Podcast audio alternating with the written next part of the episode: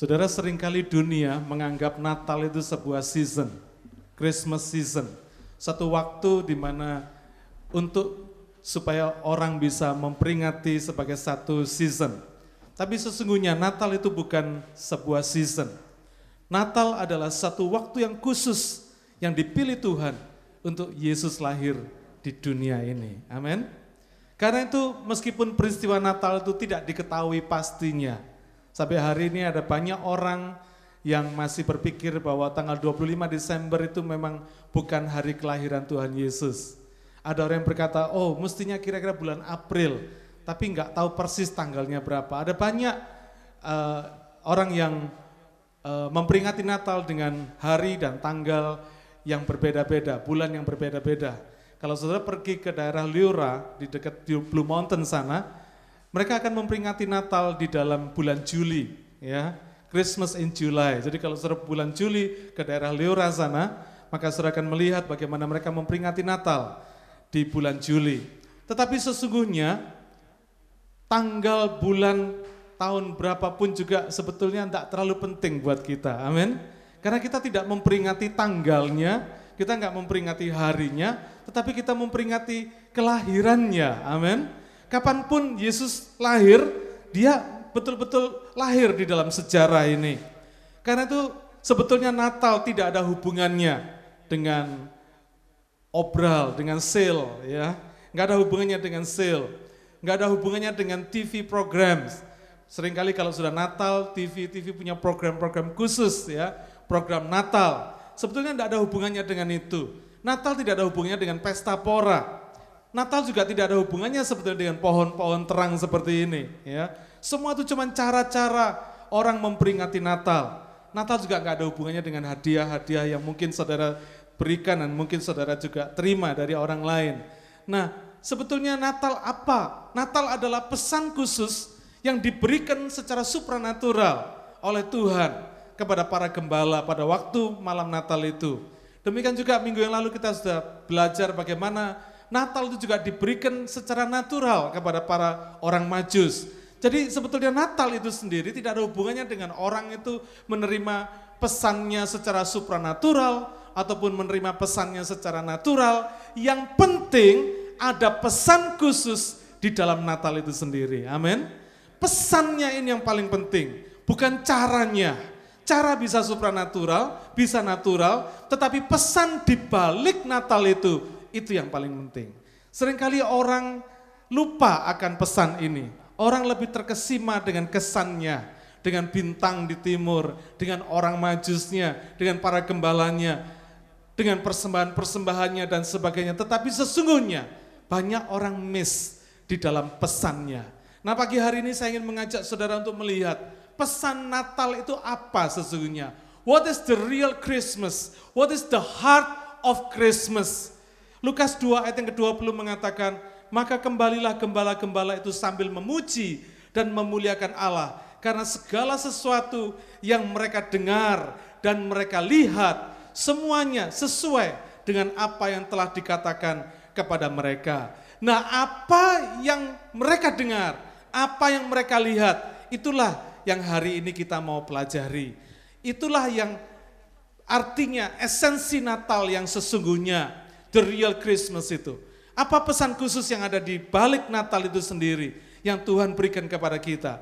Mari kita simak dari apa yang dikatakan oleh malaikat kepada para gembala 2000 tahun yang lalu. Pertama kita akan lihat Lukas pasal 2 ayat yang ke-10.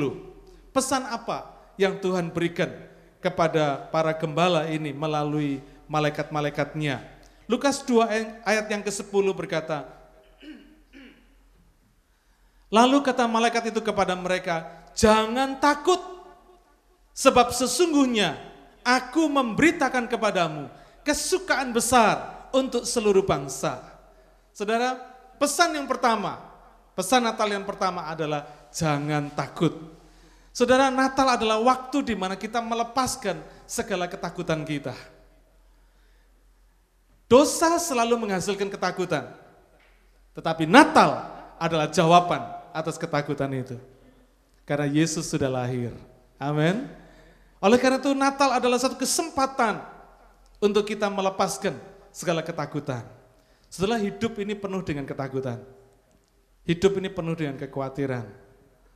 Apalagi pada saat-saat sekarang resesi ekonomi melanda dunia. Saudara kita tidak bisa membohongi diri. Seringkali ada timbul rasa khawatir, betul? Akan timbul rasa takut di dalam hati kita.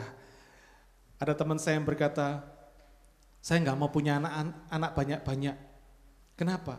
Karena takut, khawatir nggak bisa memelihara katanya.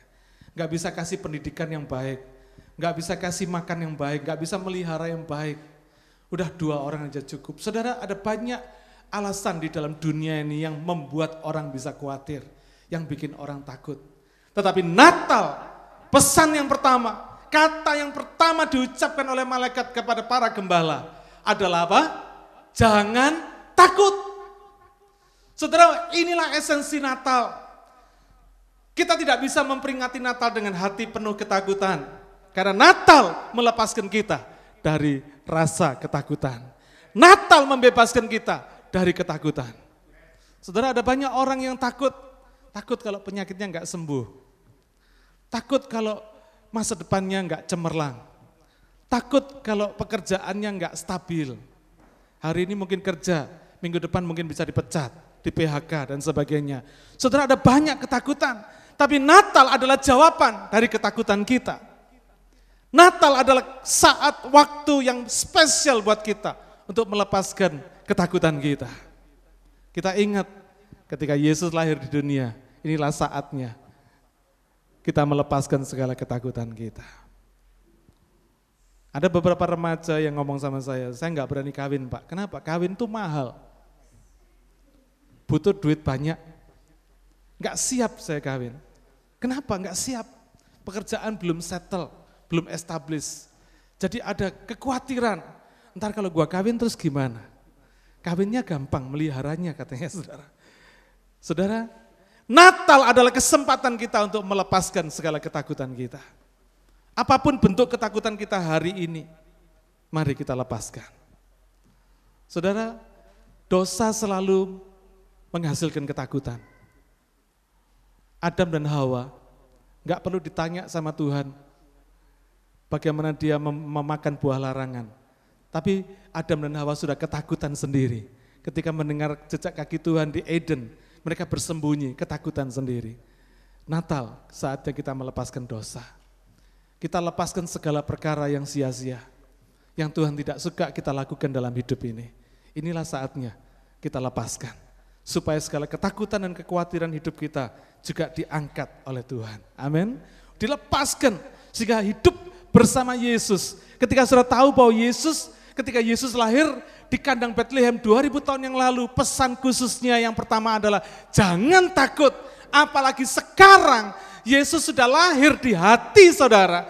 Maka pesan jangan takut ini berkumandang bukan hanya 2000 tahun yang lalu, tapi berkumandang tiap-tiap hari. Setiap kali saudara ingat, Yesus sudah lahir di dalam hati kita. Kita tahu bahwa tidak ada alasan buat kita takut. Takut akan masa depan, takut mau merit, takut mau sekolah, takut mau ujian, takut mau kerja dan sebagainya. Tidak ada alasan lagi di dunia ini untuk kita takut. Amin. Kenapa? Karena saya percaya kalau pesan 2000 tahun yang lalu itu adalah jangan takut. Ini adalah satu pesan yang khusus. Pesan yang istimewa. Kelahiran Yesus selalu membuat kita lepas dari ketakutan. Ada Yesus, tidak boleh ada ketakutan. Amin. Kita tidak mungkin hidup bersama Yesus bersama ketakutan, tidak mungkin, tidak bisa match, nggak mungkin ketemu saudara. Seperti air dan minyak tidak akan pernah ada Yesus dengan ketakutan. Kalau kita punya Yesus, kita tidak punya ketakutan.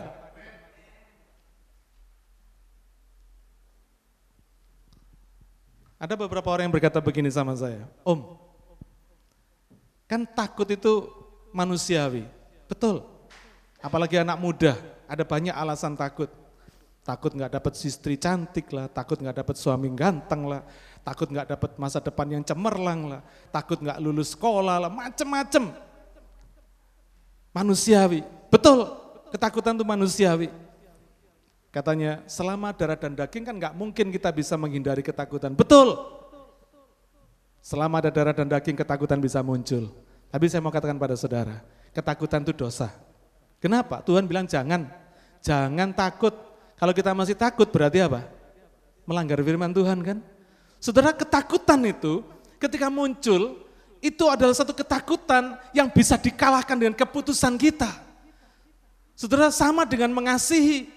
Orang berkata mengasihi itu adalah sesuatu yang natural, yang keluar dari hati. Nunggu mood, moodnya bagus bisa mengasihi. Moodnya nggak bagus nggak mengasihi. Saudara kasih itu, kasih itu adalah sebuah keputusan. Saudara mau mengasihi itu adalah keputusan. Sama dengan saudara mau takut apa enggak itu adalah sebuah keputusan.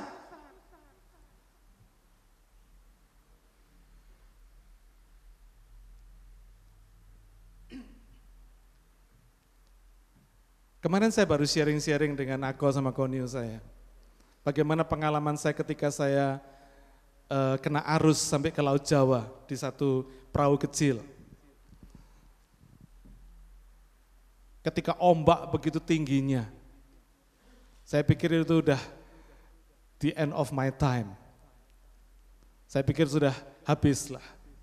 Tapi saya ingat firman Tuhan, jangan takut.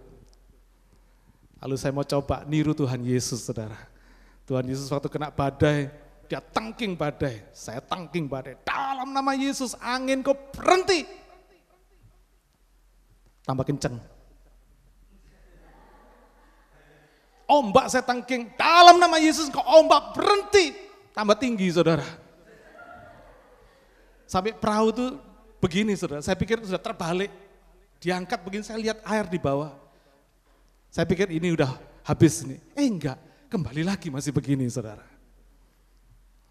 Sampai terakhir kami berempat waktu itu. Tukang perahunya sudah lepas sarung, udah nyemplung di air, ditinggal perahunya mereka, dia nyemplung sendiri mungkin renang saudara ya. Ini perahu ditinggal, cuma dikasih satu dayung tok di perahu itu saudara. Perahunya cuma lebarnya segini, ya lebar paling enggak lebih dari satu meter, Panjangnya kira-kira ya 4 meteran kira-kira perahunya saudara. Saya maaf, kena badai itu saya sampai sudah muntah saudara. Isi perut sudah tidak ada lagi yang dikeluarin, masih muntah saudara. Sampai terakhir ketika hari sudah mulai gelap, kelihatan lok besar, kayu lok, rupanya itu kayu lepas dari tongkangnya, kayu lok dengan kecepatan yang tinggi menuju ke perahu. Saya pikir nah, kali ini bubar nih perahu. Kehantam lok pasti bubar. Saya udah minta, saya udah doa sama Tuhan, Tuhan ampuni saya Tuhan, ampuni dosa saya, titip istri sama anak-anak saya Tuhan. Pokoknya sudah siap-siap lah saudara. Ya, ini baju semua udah dilepas semua saudara. Sepatu lepas semua. Eh kalau memang belum waktunya Tuhan itu dahsyat saudara. Itu lok begitu mendekati perahu tiba-tiba naik ke atas saudara diangkat sama gelombang. Lok itu panjang, kira-kira 10 kalau enggak 10-15 meter saudara. Lewat di atas saya. Sret. Jatuh di sana, kropiak air di sana. Saya cuma lihat aja saudara. Waktu lok itu naik lewat di atas kepala saya. Itu yang namanya ketakutan muncul loh saudara. Tapi saya mau katakan, saya bilang sama Tuhan, enggak. Saya tahu kalau hari itu mati pun saya bersama Tuhan. Saya katakan tidak, ketakutan, engkau pergi. Ketika lok itu jatuh, kerobiak di sana, saya pun pingsan saudara. Gak inget, sampai kira-kira jam 10, 11 malam baru saya ingat, baru saya sadar. Saya pertama kali yang masih sadar, yang lainnya udah pingsan semua saudara. Angin begitu teduh, gelombang tidak ada tenang sekali. Saya cuma lihat klip-klip lampu di kejauhan, jauh klip. Timbul semangat lagi saudara. Dayung, perahu masih untung ada, ada dayungnya satu, masih ketinggalan satu saudara. Masih bisa dayung. Ya. Sampai terdampar, kira-kira dua, dua atau tiga jam kami mendayung. Sampai tiba, terdampar di tempat uh, uh, tempat loknya Nusantara Playwood kalau sudah pernah ke Gresik ke Surabaya di situ ada tempatnya uh, pabrik Playwood sampai di situ begitu nyampe di daratan ditembaki security saudara kenapa karena di, dianggap tuh mau curi kayu saudara Saya cuma dengar cium, cium, cium, itu peluru saudara. Kita teriak, wah, wah, wah. Eh baru disentolopi saudara, kurang ajar enggak? Mestinya kan sentolopi dulu baru nembak, ini enggak ditembak dulu baru disentolopi saudara. Akhirnya singkat cerita, saya pulang. Saya naik taksi, saya pulang. Di situ saya melihat, takut itu keputusan. Kalau saudara mau takut, saudara mau ikuti ketakutan saudara, Ketakutan itu akan terus makin beranak pinak, saudara. Hari ini saudara takut akan masa depan. Besok takut lagi nggak bisa makan. Besok lagi takut lagi anak nggak bisa kerja dan sebagainya dan sebagainya. Saudara ketakutan itu tidak boleh dipelihara. Amin. Ketakutan adalah dosa. Saya ulangi sekali lagi. Ketakutan adalah dosa. Segala bentuk apa pun bentuknya ketakutan itu adalah dosa. Karena itu ketika ketakutan ada dalam hidup saudara, saudara katakan, Tuhan engkau sudah lahir dalam hati saya. Engkau sudah ada di dalam hidup saya. Aku tidak mau takut di dalam nama Yesus. Aku tolak, aku usir ketakutan di dalam nama Yesus. Amin. Sudah lihat, kuasa itu ada. Kuasa itu ada. Ketika sudah berkata, aku tidak mau takut, ketakutan itu hilang saudara. Saudara ketika saya mengambil keputusan itu, saya tidak mau takut, itu badai masih tetap ada. Ombak masih 4 meter tingginya. Angin masih kenceng, perahu masih begini saudara. Sudah bisa bayangin. Tapi ketakutan hilang. Karena apa? Keputusan kita untuk tidak mau takut. Amin. Saudara saya percaya dalam hidup ini, apa pun alasannya, kalau hari ini saudara masih punya ketakutan, saudara katakan, ketakutan, aku perintahkan engkau, dalam nama Yesus, engkau pergi. Apa pun bentuk ketakutan saudara. Takut dari penyakit saudara, takut masa depan saudara, takut dalam perkawinan saudara, takut dalam persoalan saudara, takut apa pun juga bentuknya dalam nama Yesus. Pergi. Coba senggol kiri kanan. Hei. Ketakutan pergi. Dalam nama Yesus. Dalam nama Yesus. Saudara kadang-kadang hidup ini di dalam hidup kita ini, persoalan kita itu tidak pernah diajari atau tidak pernah dibukakan lebih dulu bahwa oh ini loh jalan keluarnya begini, begitu dan sebagainya. Kita sudah belajar ya beberapa waktu yang lalu bahwa persoalan itu Tuhan izinkan terjadi di dalam kehidupan kita dengan tujuan supaya Tuhan bisa membangun karakter kita lewat persoalan-persoalan ini. Amin. Ketika kita hidup bersama Tuhan, kita sungguh-sungguh sama Tuhan, kita masih punya persoalan. Bukan persoalan yang kita bikin sendiri loh saudara, bukan kita cari-cari persoalan sendiri. Amin. Tetapi kalau kita memang hidup sungguh-sungguh bersama Tuhan, tetapi kita masih tetap punya persoalan, maka percayalah bahwa persoalan itu sedang dipakai Tuhan untuk membentuk karakter kita. Supaya kita bisa punya karakter seperti Yesus. Karena itu ketika Tuhan membentuk persoalan ini, membentuk karakter kita lewat persoalan ini, maka kita tahu bahwa itu bukan saat yang kita takut, tapi saat yang kita percaya. Amin. Bahwa persoalan itu dipakai Tuhan untuk membentuk karakter kita. Jadi punya karakter seperti Yesus. Haleluya. Saudara, oleh karena itu, saudara harus ingat bahwa ketakutan itu tidak akan pernah merubah ataupun menambah apa pun dalam kehidupan kita. Matius 6 ayat 27 mengatakan, siapakah di antara kamu yang karena kekhawatirannya dapat menambahkan sehasta saja pada jalan hidupnya? Tidak ada. Ketakutan cuma hanya bisa dipakai oleh setan untuk merusak hidup kita. Ada banyak orang yang hidup di dalam ketakutan. Akhirnya hidupnya rusak sebetulnya. Sedang dirusak oleh setan. Sebetulnya tidak ada apa-apa, nggak ada masalah apa-apa. Tetapi karena ketakutannya, hidupnya dirusak oleh setan. Hari ini kita lepaskan ketakutan kita. Yesus datang untuk menghapus ketakutan di dunia ini. Karena ketakutan bisa jadi penghalang berkat. Saudara, kenapa kok bisa begitu? Of course, otomatis. Ketika kita takut, maka iman kita nggak akan pernah bekerja. Tapi ketika kita percaya, ketakutan itu intinya cuma satu, karena kita tidak percaya. Kalau kita percaya kepada Yesus, maka ketakutan tidak akan pernah ada dalam hidup kita. Apa pun bentuk ketakutannya. Ketika kita percaya, Tuhan itu Allah yang memberi berkat maka iman kita jalan, saudara.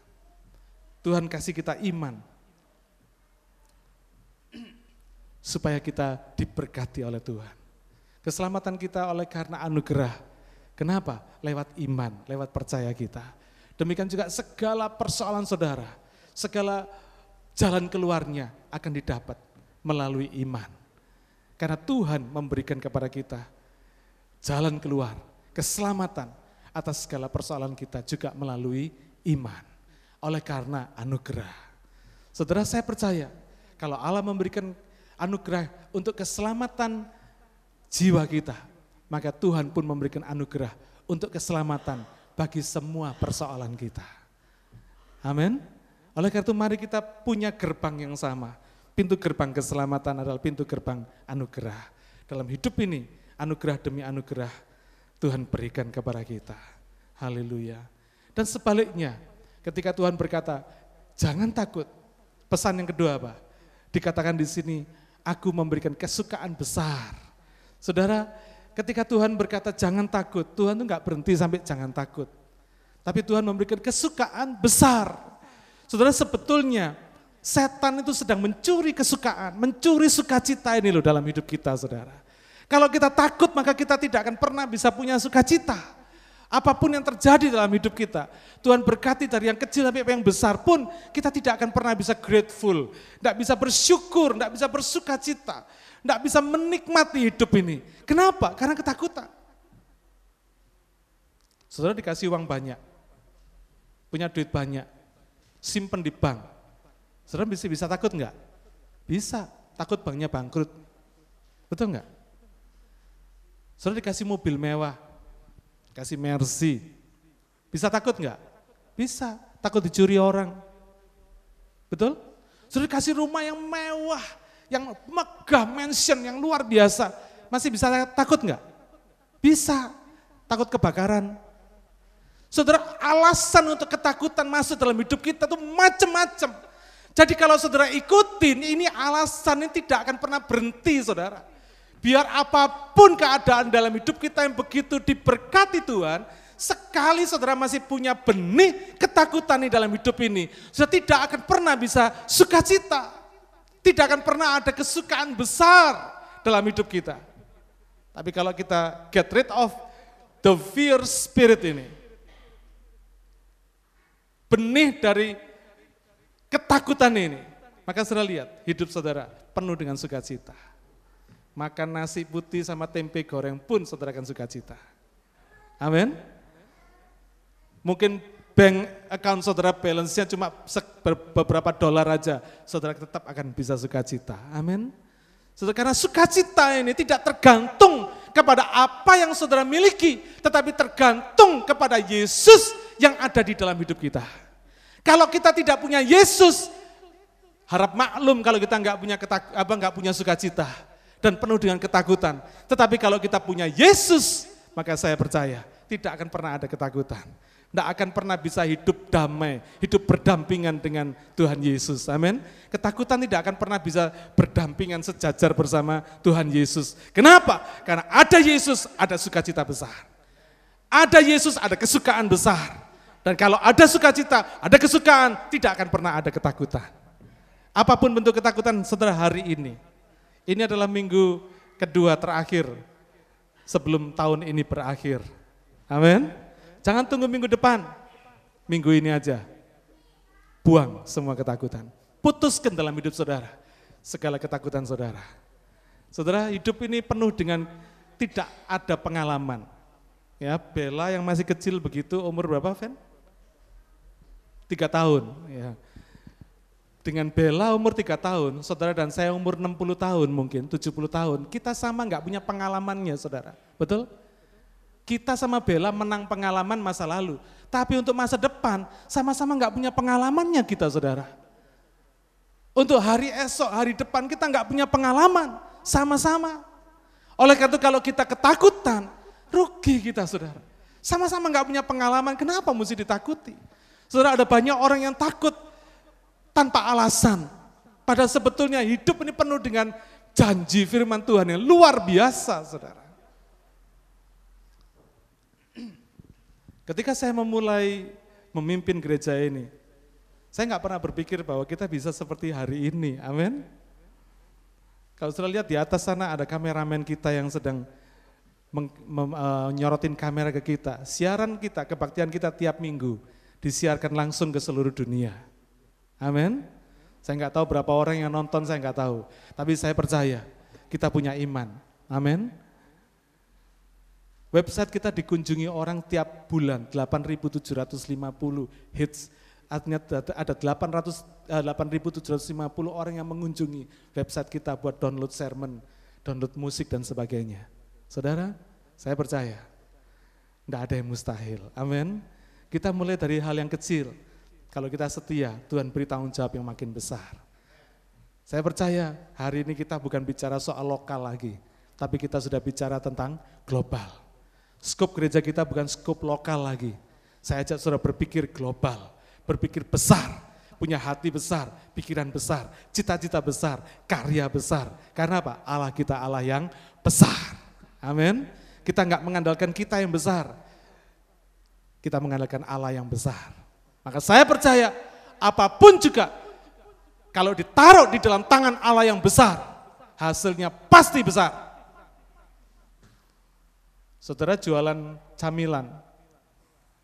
Itu jualan camilan kan remeh-remeh ya, saya udah pernah cerita teman saya. Jualan camilan ditaruh di dalam tangan Allah yang besar. Besar, saudara. Apa pun kerjaan saudara, apa pun urusan saudara, taruh di dalam tangan Tuhan yang besar. Maka Tuhan akan bikin besar. Yang remeh-remeh sekalipun, taruh di dalam tangan Tuhan.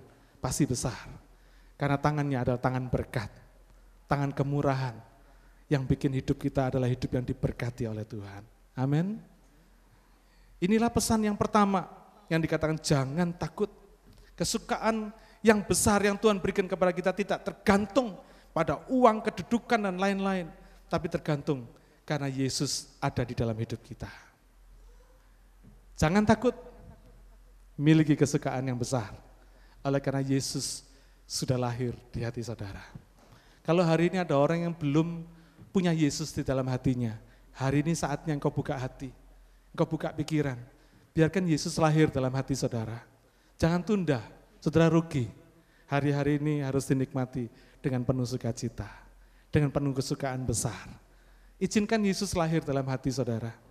Percayalah dia, terimalah dia. Dan saudara bisa lihat hidup saudara akan dirubah oleh Tuhan. Penuh sukacita. Saudara yang tidak punya sukacita, hidup bersama Yesus, terima Yesus, hidup saudara akan penuh sukacita. Yang kedua, apa pesan Tuhan kepada para gembala ini? Kita baca ayat yang ke-11. Hari ini telah lahir bagimu juru selamat, yaitu Kristus Tuhan di kota Daud. Saudara pesan yang kedua bicara tentang apa? Telah lahir juru selamat buat kita semua.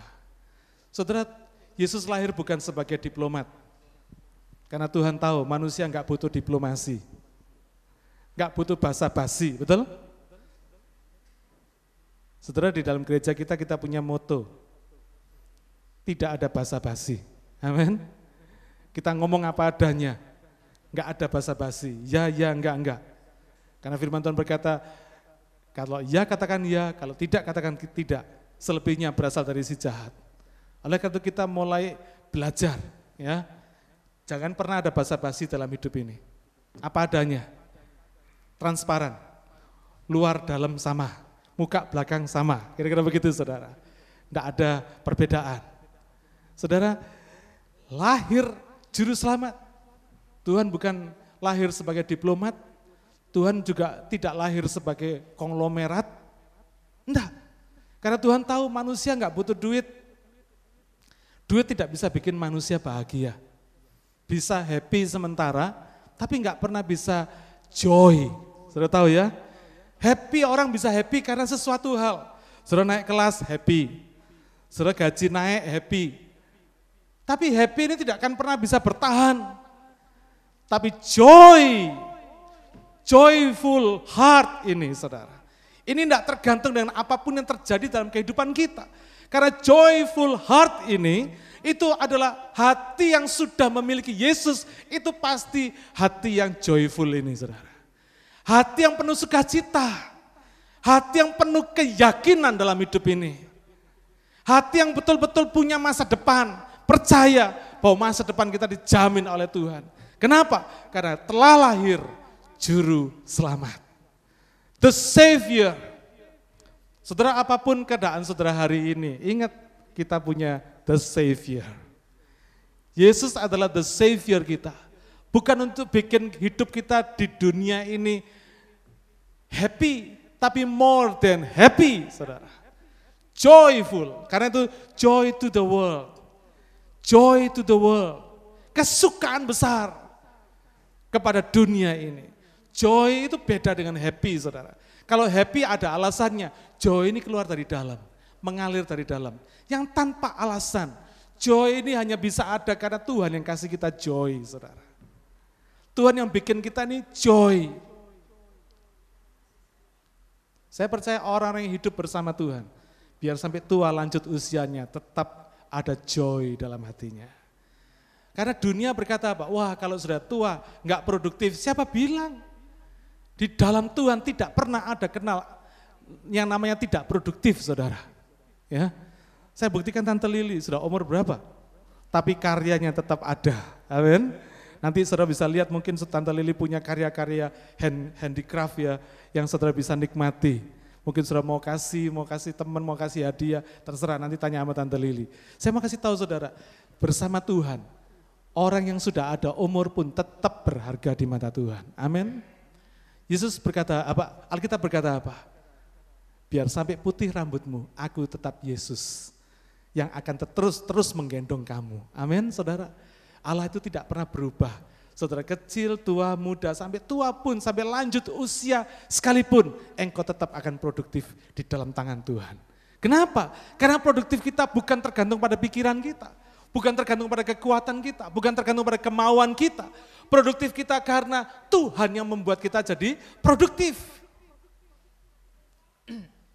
Memang mungkin saudara begitu saudara lanjut usia mungkin saudara tidak bisa jalan jauh lagi sampai 10 km. Tidak bisa mendaki gunung Semeru lagi, tidak bisa. Tetapi saudara, bukan berarti saudara nggak bisa berdoa. Bukan berarti saudara tidak tidak bisa mem, mem, uh, memberikan perkara-perkara yang besar. Saudara tahu kenapa otak kita disimpan Tuhan di, patok kepala kita? Telinga kita dipotong bisa hilang. Hidung kita dipotong bisa hilang, betul? Tapi kenapa otak kita kok disimpan di sini? Tidak bisa dicuri. Betul nggak saudara? Jadi selama kita hidup, selama kita sampai tua pun, otak kita tetap produktif. Selama otak ini produktif, maka saudara akan menghasilkan perkara-perkara besar. Karena otak ini akan diurapi Tuhan, akan diberikan rema oleh Tuhan, untuk membuat kita bisa melihat jauh ke depan, apa yang akan terjadi. Jauh ke depan kita sudah diberikan kepada Tuhan. Satu wawasan, satu ide, satu pengetahuan Dahsyat saudara. Kalau otaknya orang tanpa Yesus pasti terbatas. Sepinter apa pun dia terbatas. Tapi kalau otak diurapi sama Allah yang tidak terbatas, pasti nggak terbatas.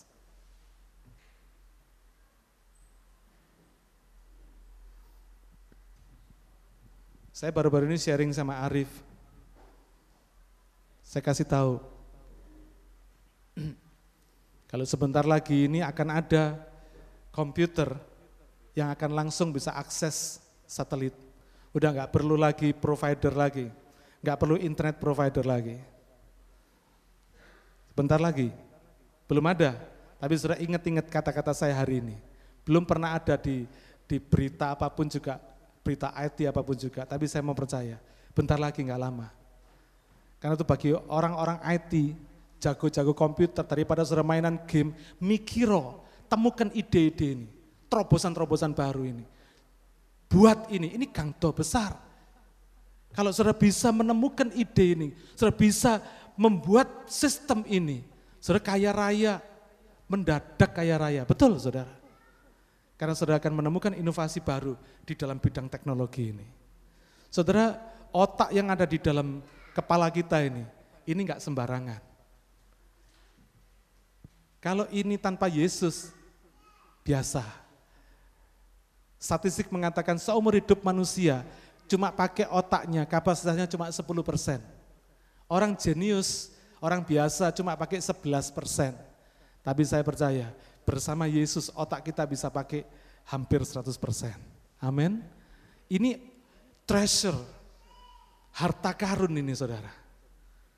Karena itu jangan pakai otak ini cuma buat mainan game. Rugi saudara. Rugi. Buat cuma nonton TV gini. Ketap, ketip, lihat di TV mulai pagi sampai malam, pagi sampai malam. Terus film seri, Korea seri lah, Hong Kong seri lah, apa. Terus begitu, rugi saudara. Kenapa?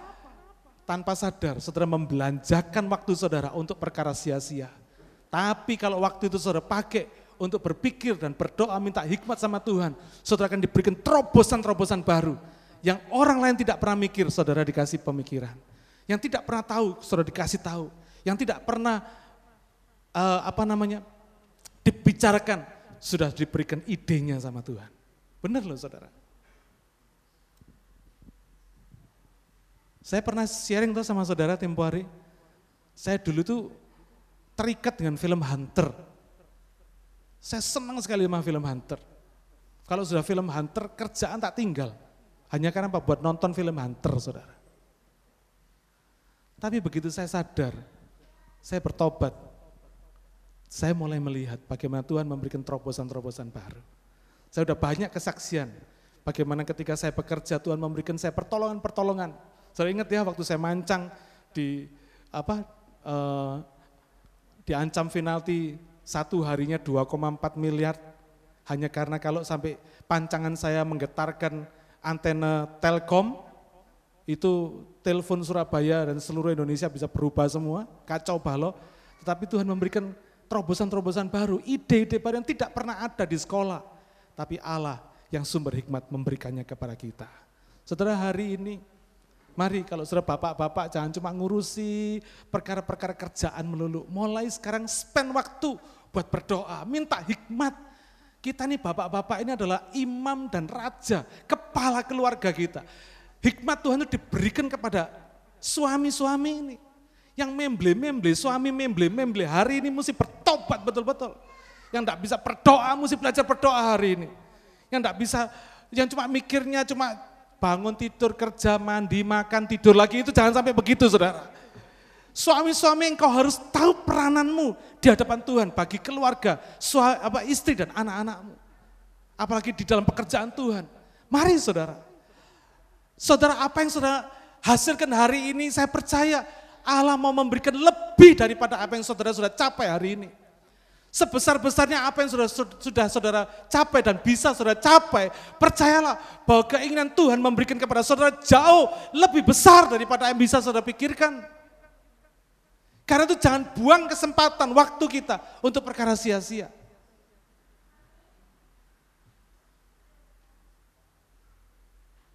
Ibu-ibu jangan cuma mikirin gosip, jangan cuma mikirnya bangun tidur, masak, kerja, pulang lagi, mandi, makan, tidur lagi. Saudara itu bukan peranan ibu-ibu, itu lebih saudara. Apa yang bisa saudara kerjakan lebih daripada hari ini. Sebesar apa pun yang bisa saudara capai hari ini, percayalah Allah mau memberikan kepada saudara lebih besar lagi daripada hari ini. Apa yang bisa engkau capai hari ini, Allah lebih mempersiapkan lebih dahsyat lagi hari ini. Engkau mesti berpikir apa yang bisa gua bantu, apa yang bisa saya kerjakan buat suami saya. Saudara, kadang-kadang sumber ide itu dari istri. Betul? Kadang-kadang sumber ide dari suami keluar dari istri. Tapi apa yang sering kali diterima oleh suami? Omelan, betul? Mestinya daripada kasih omelan, kasih ide. Kasih semangat. Ada banyak suami yang berkeluh kesah sama saya karena istrinya bukan menjadi sumber ide bagi dia, tapi menjadi sumber kepanikan dia. Pulang kerja udah takut duluan. Takut diomelin. Ada banyak suami yang selalu merasa salah melulu sama istrinya, tidak pernah benar sama istrinya. Ini salah, itu salah, ini salah, itu salah. Saudara, saya mau kasih tahu, daripada saudara nyala-nyalain suami mendingan kasih ide. Amin. Berikan semangat buat suami saudara. Saya percaya kalau hari ini suami saudara bisa seperti hari ini, itu sudah puji Tuhan. Betul? Dengan gaya ngomelnya saudara itu hari ini, suami saudara sudah bisa jadi hari ini. Sudah puji Tuhan, betul? Coba pikirin, kalau saudara hari ini berubah, saudara simpan omelan saudara, ganti omelan saudara dengan ide-ide yang kreatif. Saya percaya suami saudara akan jadi lebih hebat lagi. Lebih daripada hari ini. Amin. Semangat suami itu akan terbentuk karena apa? Support dari istri. Keberhasilan suami. Seringkali karena ada istri yang ada di belakangnya. Jatuh bangunnya suami tergantung juga sama istrinya. Jadi hari ini pesan saya bagi saudara istri-istri yang membeli-membeli, semoga nggak membeli, ya. Bagi yang membeli-membeli, sadar, bertobat, rubahlah. Saudara omelin suami saudara bisa jadi baik enggak? Belum tentu. Tambah sebel iya saudara. Tapi jadi baik enggak? Enggak yakin saya. Tambah diomelin, tambah sebel. Tambah diomelin, tambah enggak seneng saudara. Tapi coba pujian suami saudara. Aduh hebat ya. Jadi kalau pulang kerja jangan diomelin. Kenapa lu pulang kerja? Telat, kenapa? Jangan gitu saudara. Saudara kasih tahu begini, Jami ya lu hari ini pulang kerja telat ya. Pasti punya produksi yang baru ini. Pasti punya bikin sesuatu yang baru ini. Pasti ada job yang baru ini. Gitu loh saudara, kasih semangat saudara. Jadi suami saudara pulang itu bukan dengan ketakutan dan kepanikan, bukan. Tapi dengan satu harapan. Harapan dipuji, harapan dihargai. Jangan waktu dikasih gaji, dikasih ini, saudara cuma bilang, berapa ini? Cuman segini. Lu dapat cuman segini. Aduh, kapan naiknya? Kapan naiknya? Pusing saudara. Betul? Tambah pusing. Tapi kalau sudah hargai dia, saudara suami itu kalau dihargai, tambah semangat saudara. Tambah semangat. Encourage dia. Amin. Ini saya ngomong untuk istri-istri yang membeli, yang sudah nggak membeli bagus, tingkatkan lagi. Amin, saudara. Saya percaya nanti kita lihat, benar, ini bukan teori dan bukan cuma lelucon, tapi mari kita lihat kalau sudah mulai hari ini sudah rubah sikap saudara, attitude saudara kepada suami saudara. Nanti tahun depan coba lihat. Beda saudara. Pasti suami saudara beda. Pasti hasil karyanya beda. Pasti lebih dahsyat, lebih besar lagi. Dan saudara pasti akan amazed ya. Akan terpesona ngelihat, iya ya, Tuhan itu dahsyat. Saudara, jadi jangan berpikir bahwa suami saudara hari ini nggak maju-maju. Kadang-kadang nggak majunya juga karena saudara. Betul? Ada banyak orang yang pindah-pindah gereja, cari gereja yang sempurna, enggak bisa. Kenapa? Karena andai kata ada gereja yang sempurna, gara-gara kita ada di sana maka jadi nggak sempurna. Kenapa? Kita belum sempurna saudara. Jadi gereja yang tidak sempurna, gara-gara kita ada di sana jadi nggak sempurna. Karena saudara, suami saudara pun juga belum sempurna. Amin. Karena itu biarlah Tuhan kasih istri untuk menyempurnakan suami. Demikian juga dikasih suami untuk menyempurnakan istri. Karena itu ketika suami istri itu saling menasehati, jangan besar kepala. Ada banyak orang yang tidak bisa terima nasihatnya suami atau istrinya sendiri. Ini rugi besar saudara. Rugi besar. Hari ini saya rindu. Karena Yesus itu juru selamat. Dia juga ingin menyelamatkan kehidupan kita. Amin. Anak-anak, Jangan cuma mikirin dirimu sendiri. Saya mau kasih tahu anak-anak ini penting. Hormat sama orang tua, tanggung jawab akan keluarga itu penting. Karena ini semua akan nanti akan di, diwariskan kepada anak-anak saudara. Ketika kau memberikan teladan, hormat kepada orang tua, anakmu pasti hormat sama orang tua. Ketika engkau memberikan teladan tanggung jawab kepada keluarga, anakmu pasti tanggung jawab kepada keluarga. Karena itu saya encourage para orang tua, ini kelemahan orang tua Indonesia. Jangan terlalu menina bobokan anak, jangan terlalu memanjakan anak. Nanti akhirnya anak tidak tahu tanggung jawab. Ketika anak itu tidak tahu tanggung jawab, tidak tahu tanggung jawab menghormati orang tua, tidak tahu tanggung jawab memelihara keluarga dan sebagainya. Ini nanti akan terus menjadi menjadi teladan turun temurun kepada generasi selanjutnya. Dan anak itu nanti bisa nggak jadi apa-apa, saudara. Kenapa? Karena dunia ini membutuhkan sebuah tanggung jawab. Saya bisa bayangin kalau anak kita nggak tahu tanggung jawab.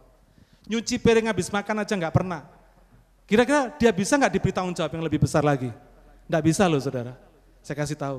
Mentalnya akhirnya cuma segitu aja. Ketika Tuhan bukakan satu kesempatan yang besar dalam hidupnya, dia tidak akan pernah ambil, tidak akan pernah berani ambil. Kenapa? Takut tanggung jawabnya. Saya mau kasih tahu saudara, ketika Tuhan memberikan kita opportunity, kesempatan untuk mendapatkan satu pekerjaan yang lebih besar lagi, maka otomatis di balik kesempatan besar ada tanggung jawab yang besar. Di balik tanggung jawab yang besar pasti ada jian yang besar juga, ada berkat yang besar juga. Seringkali dalam hidup kita ini kenapa kita nggak maju-maju? Karena kita nggak berani tanggung jawab. Kita tidak belajar untuk mengambil tanggung jawab yang lebih besar lagi. Kita aman, kita sudah puas dengan comfort zone kita. Ya udahlah, segini cukup dah, udah cukup. Ketika Tuhan bukakan kesempatan besar, kita nggak berani ambil, saudara. Tapi saya percaya orang-orang yang maju, orang-orang yang berhasil adalah orang-orang yang tidak takut untuk bertanggung jawab. Bukan tidak takut bertanggung jawab, bukan tidak takut untuk bertanggung jawab. Orang yang takut tanggung jawab tidak akan pernah bisa maju dalam hidupnya. Karena itu anak-anak belajar mulai dari sekarang. Orang tua jangan bikin anak-anak kita manja. Saya kasih tahu saudara dosa besar. Karena itu anak-anak milik Tuhan dipercayakan kepada kita. Jangan dirusak sama kita. Orang tua nggak boleh rusak anak itu karena kita nggak berhak. Anak itu anak Tuhan. Karena itu kita harus berikan dia kesempatan untuk bertanggung jawab. Habis makan cuci sendiri. Belajar. Kasih share pekerjaan di dalam rumah tangga saudara. Dari kecil kalau anak diajar dari kecil untuk share tanggung jawab dalam pekerjaan, itu tanpa sadar saudara. Membentuk mentalnya untuk mental bertanggung jawab. Mental yang berani menghadapi tantangan. Mental yang tidak takut susah. Jadi orang hebat. Anak-anak kita pasti jadi orang hebat. Amin. Tapi coba, anak-anak yang anak mami, anak manja, nggak jadi apa-apa saudara. Sedikit-sedikit mami, papi, mami, papi, Nanti sudah married juga itu mami, papi. Tidak bisa dicontoh sama anaknya. Tapi kalau anak itu punya tanggung jawab, dahsyat saudara. Amin. Anak itu akan menjadi anak yang hebat. Saya percaya. Ada banyak anak-anak orang sederhana, tapi dari kecil diajar tanggung jawab sama orang tuanya. Jadi anak hebat. Tapi ada banyak juga anak-anak orang yang hebat. Dari kecil tidak diajar tanggung jawab sama orang tuanya nggak jadi apa-apa, tukang ngabisin duit. Betul saudara. Oleh karena itu hari ini, biar kita betul-betul sadar. Amin. Ada Yesus Juru Selamat. Dia yang akan menyelamatkan semua persoalan saudara. Mungkin saudara hari ini berkata, wah gua udah telat. Gua udah terlanjur memanjakan anak gua nih. Anak gua udah terlanjur nggak punya tanggung jawab. Don't worry, engkau punya Yesus. Mulai hari ini robahlah Seringkali orang tua tuh takut mendisiplin anak karena apa? Takut dibenci sama anak. Salah besar. Saudara, apa yang seharusnya saudara lakukan, satu kebenaran yang saudara harus lakukan kepada anak saudara, lakukan. Tidak peduli dia benci, nggak suka sama saudara, nggak apa-apa. Sampai pada satu ketika mereka akan sadar bahwa pendisiplinan saudara adalah memang sesuatu yang perlu buat mereka. Bukan apa yang mereka suka, tetapi apa yang mereka perlu saudara lakukan. Jangan takut dibenci sama anak. Jangan pernah takut, jangan pernah berharap hidup saudara kepada anak. Saya selalu berkata pada saudara, para orang tua, jangan pernah berharap hidup saudara kepada anak. Karena hidup saudara Tuhan yang punya. Tuhan yang akan menjaga dan memelihara saudara. Sehingga ketika anak saudara tidak uhau, saudara nggak akan kecewa. Amin. Berapa banyak orang tua akhirnya kecewa karena mengharapkan anak, eh anaknya tidak uhau. Beberapa waktu yang lalu kita banyak sharing, kita dengar betapa banyak anak-anak yang tidak punya cinta kasih sama orang tuanya. Banyak, banyak. Papanya meninggal, mamanya masih hidup, mamanya suruh jual harta kekayaannya, warisannya suruh bagi, habis itu mamanya ditendang, dimasukin nursing home. Banyak, banyak. Saya mau kasih tahu saudara, banyak anak yang tidak cinta orang tua, banyak. Tetapi jangan pernah orang tua takut anak tidak cinta sama orang tua. Amin. Kenapa? Karena Tuhan cinta kita semua. Ketika harapan kita pada manusia, kita pasti kecewa. Meskipun itu namanya anak. Amin. Kita pasti kecewa. Tapi kalau harapan kita kepada Tuhan yang memelihara kita, yang mengasihi kita, kita tidak akan pernah kecewa. Oleh karena itu saya mau pesan kepada orang tua semua. Satu, jangan manjakan anak. Dua, disiplinkan anak. Jangan takut dibenci sama anak. Anak-anak engkau harus hormat sama orang tuamu. Supaya apa? Panjang umurmu di bumi. Di dalam bagian lain di Alkitab dikatakan, supaya ditambah-tambahkan umurmu di bumi. Luar biasa saudara. Hormat sama orang tua itu ada berkat khusus. Berkat panjang umur saudara. Ditambah-tambahkan umur oleh Tuhan. Dan baiklah keadaanmu, berbahagia keadaanmu. Firman Tuhan berkata. Apa yang pesan yang ketiga?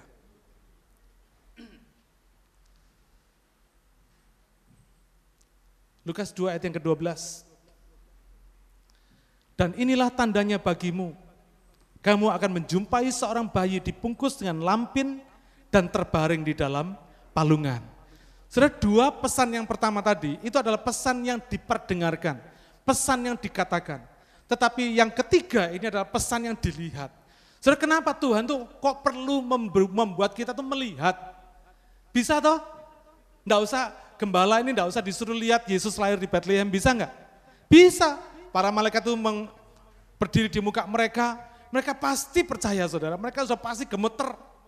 Saudara bisa bayangin kalau sudah tiba-tiba lagi enak-enak kongko gitu saudara ya, santai-santai ngobrol, tiba-tiba malaikat ada di hadapan saudara, udah redek duluan saudara. Bisa aja Tuhan cuma bilang, hari ini telah lahir bagimu juru selamat. Jangan takut, ada kesukaan besar bagi seluruh bumi. Hari ini telah lahir bagimu juru selamat. Bisa kalau cuma segitu. Tapi kenapa? Kenapa? Saya percaya para gembala ini pasti disuruh untuk pergi ke sana. Dikatakan bergegaslah mereka ke tempat anak itu berada, bayi itu berada. Saudara, pasti para gembala dipimpin oleh malaikat untuk menemukan tempat di mana Yesus lahir pada waktu itu. Malaikat enggak, enggak berkata, nih lu gua kasih GPS ya, temukan sendiri tempatnya di sana. Enggak, dipimpin saudara. Sampai para gembala ini bisa menemukan Yesus di sana. Tetapi kenapa para gembala ini perlu dibawa untuk lihat sendiri? Pesan Tuhan itu ada dua macam. Pesan yang disampaikan supaya kita dengar pesan Tuhan itu, audible, tetapi ada juga pesan yang Tuhan sampaikan secara visual. Supaya ketika kita lihat sendiri, maka pesan itu mantap dalam hidup kita.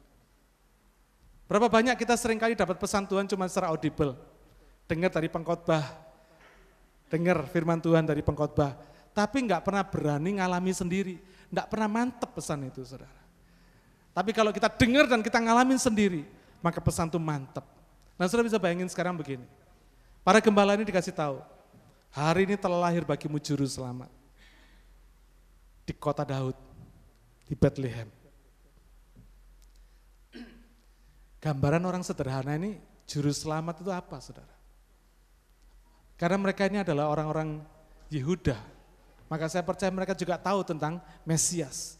Gambaran tentang Mesias itu adalah gambaran satu penyelamat. Kayak Rembo gitu loh saudara, kira-kira begitu. Satu penyelamat yang akan menyelamatkan Yahudi dari jajahan Roma pada waktu itu. Itu nubuatnya Mesias seperti itu. Jadi ketika gembala ini diberikan satu gambaran, hari ini telah lahir bagimu juru selamat di kota Daud, di Bethlehem. Maka saya percaya gambaran dia sebagai orang Yahudi, sebagai orang Yehuda di sana, pasti punya gambaran seperti itu. Ini pasti orang hebat ini. Mikirnya pasti begitu saudara. Karena apa? Mesias ini. Mereka tahu itu.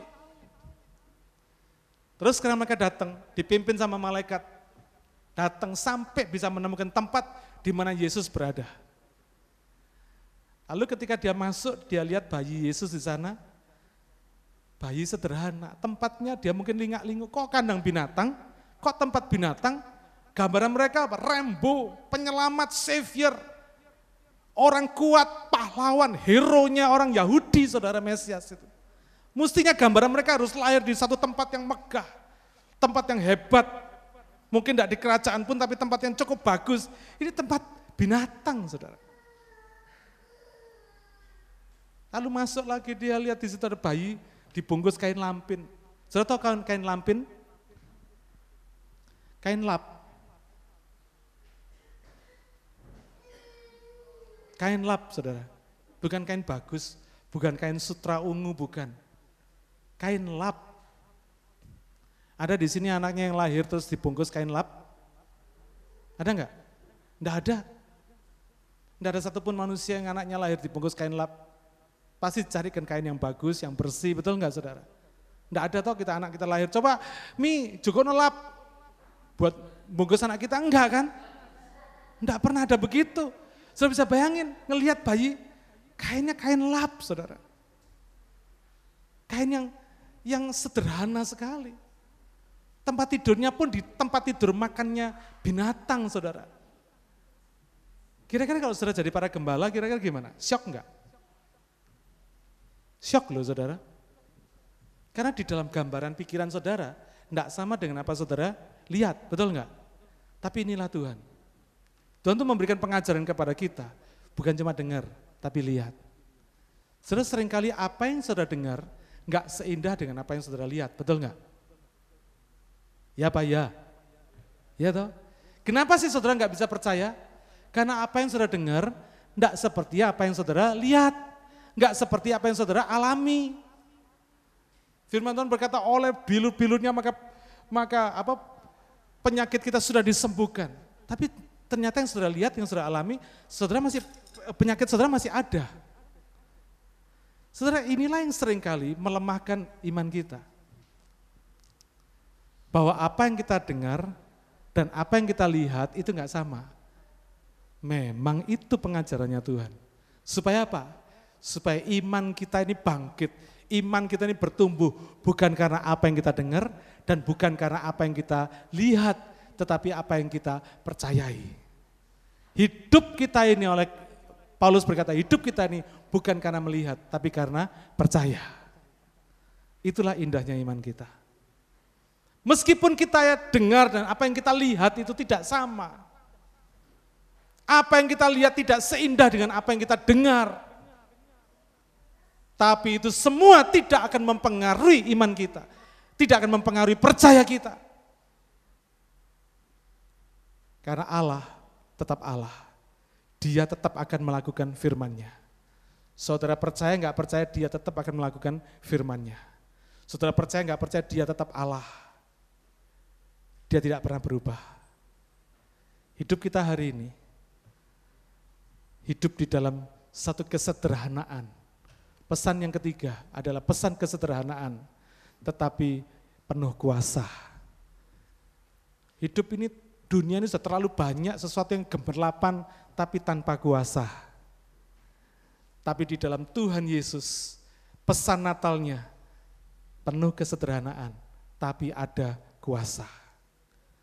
Saudara, sederhana itu bukan miskin, sederhana itu bukan melarat, sederhana itu bukan bodoh, tapi simple but powerful. Inilah rahasia pesan Natal. Pesan Natal yang ketiga, sederhana tapi penuh kuasa. Ketika saudara melihat orang lain lebih dari saudara, jangan takut, karena hidup kita nggak tergantung itu semua. Di dalam kesederhanaan saudara, apa pun keadaan saudara hari ini, ingatlah ada kuasa yang besar karena Yesus bersama kita. Yang pertama, jangan takut. Yang kedua, telah lahir bagi kita juru selamat. Hidup kita punya juru selamat. Kita sakit, ada yang menyelamatkan penyakit kita. Punya persoalan, ada yang menyelamatkan persoalan kita. Di mana pun juga kita berada, ada yang melindungi kita. Juru selamat. Yang ketiga, sederhana tapi powerful. Lahirnya di tempat binatang, dibungkus kain lampin, tidurnya di tempat makan binatang, tapi merubah dunia. Amin. Tanggalan dunia berubah, tanggalan Masehi berubah. Ada karena Yesus lahir. Sederhana, tapi merubah seluruh dunia. Kubur raja-raja yang paling hebat pun hari ini ada tengkoraknya, ada tulang belulangnya. ada isinya. Tapi kubur Yesus hari ini kosong. Di dalam kesederhanaan ada kebangkitan yang besar. Ada kemuliaan yang besar. Saudara, kita bangga punya Yesus. Amin. The real Christmas is the message behind the Christmas itself. Pesan yang ada di balik peristiwa Natal itu sendiri. Pesan jangan takut. Orang yang punya Yesus lahir dalam hatinya, hidupnya tidak penuh ketakutan. Yang kedua, orang yang punya Yesus lahir di hatinya, dia punya juru selamat. Di mana pun dia berada, apa pun persoalannya, ada juru selamat. Yang ketiga, di tengah-tengah kesederhanaannya ada kuasa. Orang yang punya Yesus di dalam hidupnya, lahir di dalam hidupnya, ada kuasa. Kuasa dalam perkataannya, kuasa dalam pemikirannya, kuasa dalam sikapnya, kuasa dalam tindakannya. Apa pun juga yang saudara lakukan, ada kuasa. Kuasa dalam pelayanannya, kuasa dalam pekerjaannya. Apa pun juga yang saudara lakukan hari ini, ada kuasa. Amin. Engkaulah garam dan terang dunia. Tuhan urapi saudara. Mari kita berdoa.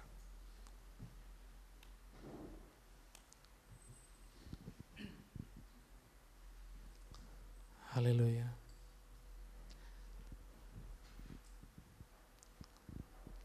Lord, the reason we live is to worship you. Terima kasih Bapak. Kami percaya Engkau Allah yang dahsyat. Engkau Tuhan yang tidak pernah meninggalkan kami. Dan pesan Natalmu begitu jelas untuk hidup kami.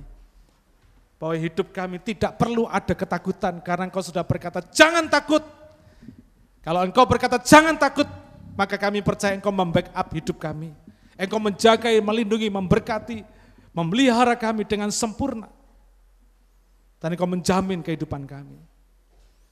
Kami mengucap syukur karena kami punya juru selamat. Bukan juru diplomasi. Bukan cuma janji. Bukan cuma yang bisa berikan janji muluk-muluk, tapi Tuhan yang sudah memberikan bukti kehidupan. Terima kasih Bapak, kami mengucap syukur. Karena Engkau Allah yang dahsyat dalam hidup ini.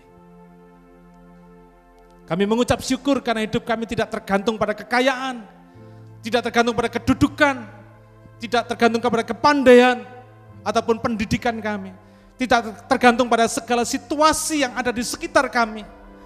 Tetapi hidup kami tergantung kepadamu Tuhan karena di dalam keadaan yang paling sederhana pun hidup kami, maka kami percaya kami punya kuasa yang besar. Kuasa yang mampu mengubah dunia. Tuhan, tetapi kami percaya. Hari ini kami berdoa, sebelum kami mengubah dunia, biarlah Engkau memberikan kepada kami kekuatan dan kemampuan untuk mengubah diri kami sendiri.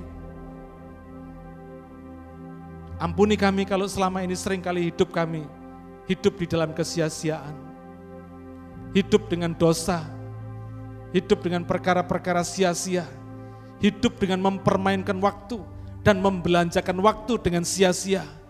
Tuhan hari ini engkau jamah hati dan pikiran kami untuk bisa ambil keputusan, untuk merubah diri kami sendiri. Maka kami percaya engkau memberikan kami kuasa untuk mengubah dunia ini. Sama seperti yang engkau sudah lakukan di tengah-tengah kesederhanaanmu, engkau mengubah dunia ini. Terima kasih Bapak. Kami mengucap syukur karena kami jadi anakmu. Kami bangga punya Allah seperti engkau. Terpujilah namamu Tuhan. Kami mengucap syukur, kami percaya di mana pun juga orang yang melihat siaran kebaktian kami ini di seluruh dunia. Kami percaya engkau jamah mereka. Engkau berkati mereka. Baik mereka yang akan download sermon ini. Kami percaya Engkau juga akan berkati mereka. Biarlah firman ini boleh jadi berkat bagi kehidupan kami semua. Terima kasih Bapak.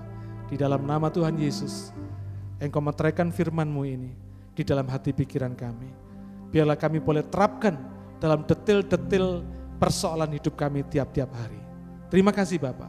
Dalam nama Yesus kami berdoa dan mengucap syukur. Haleluya. Amin.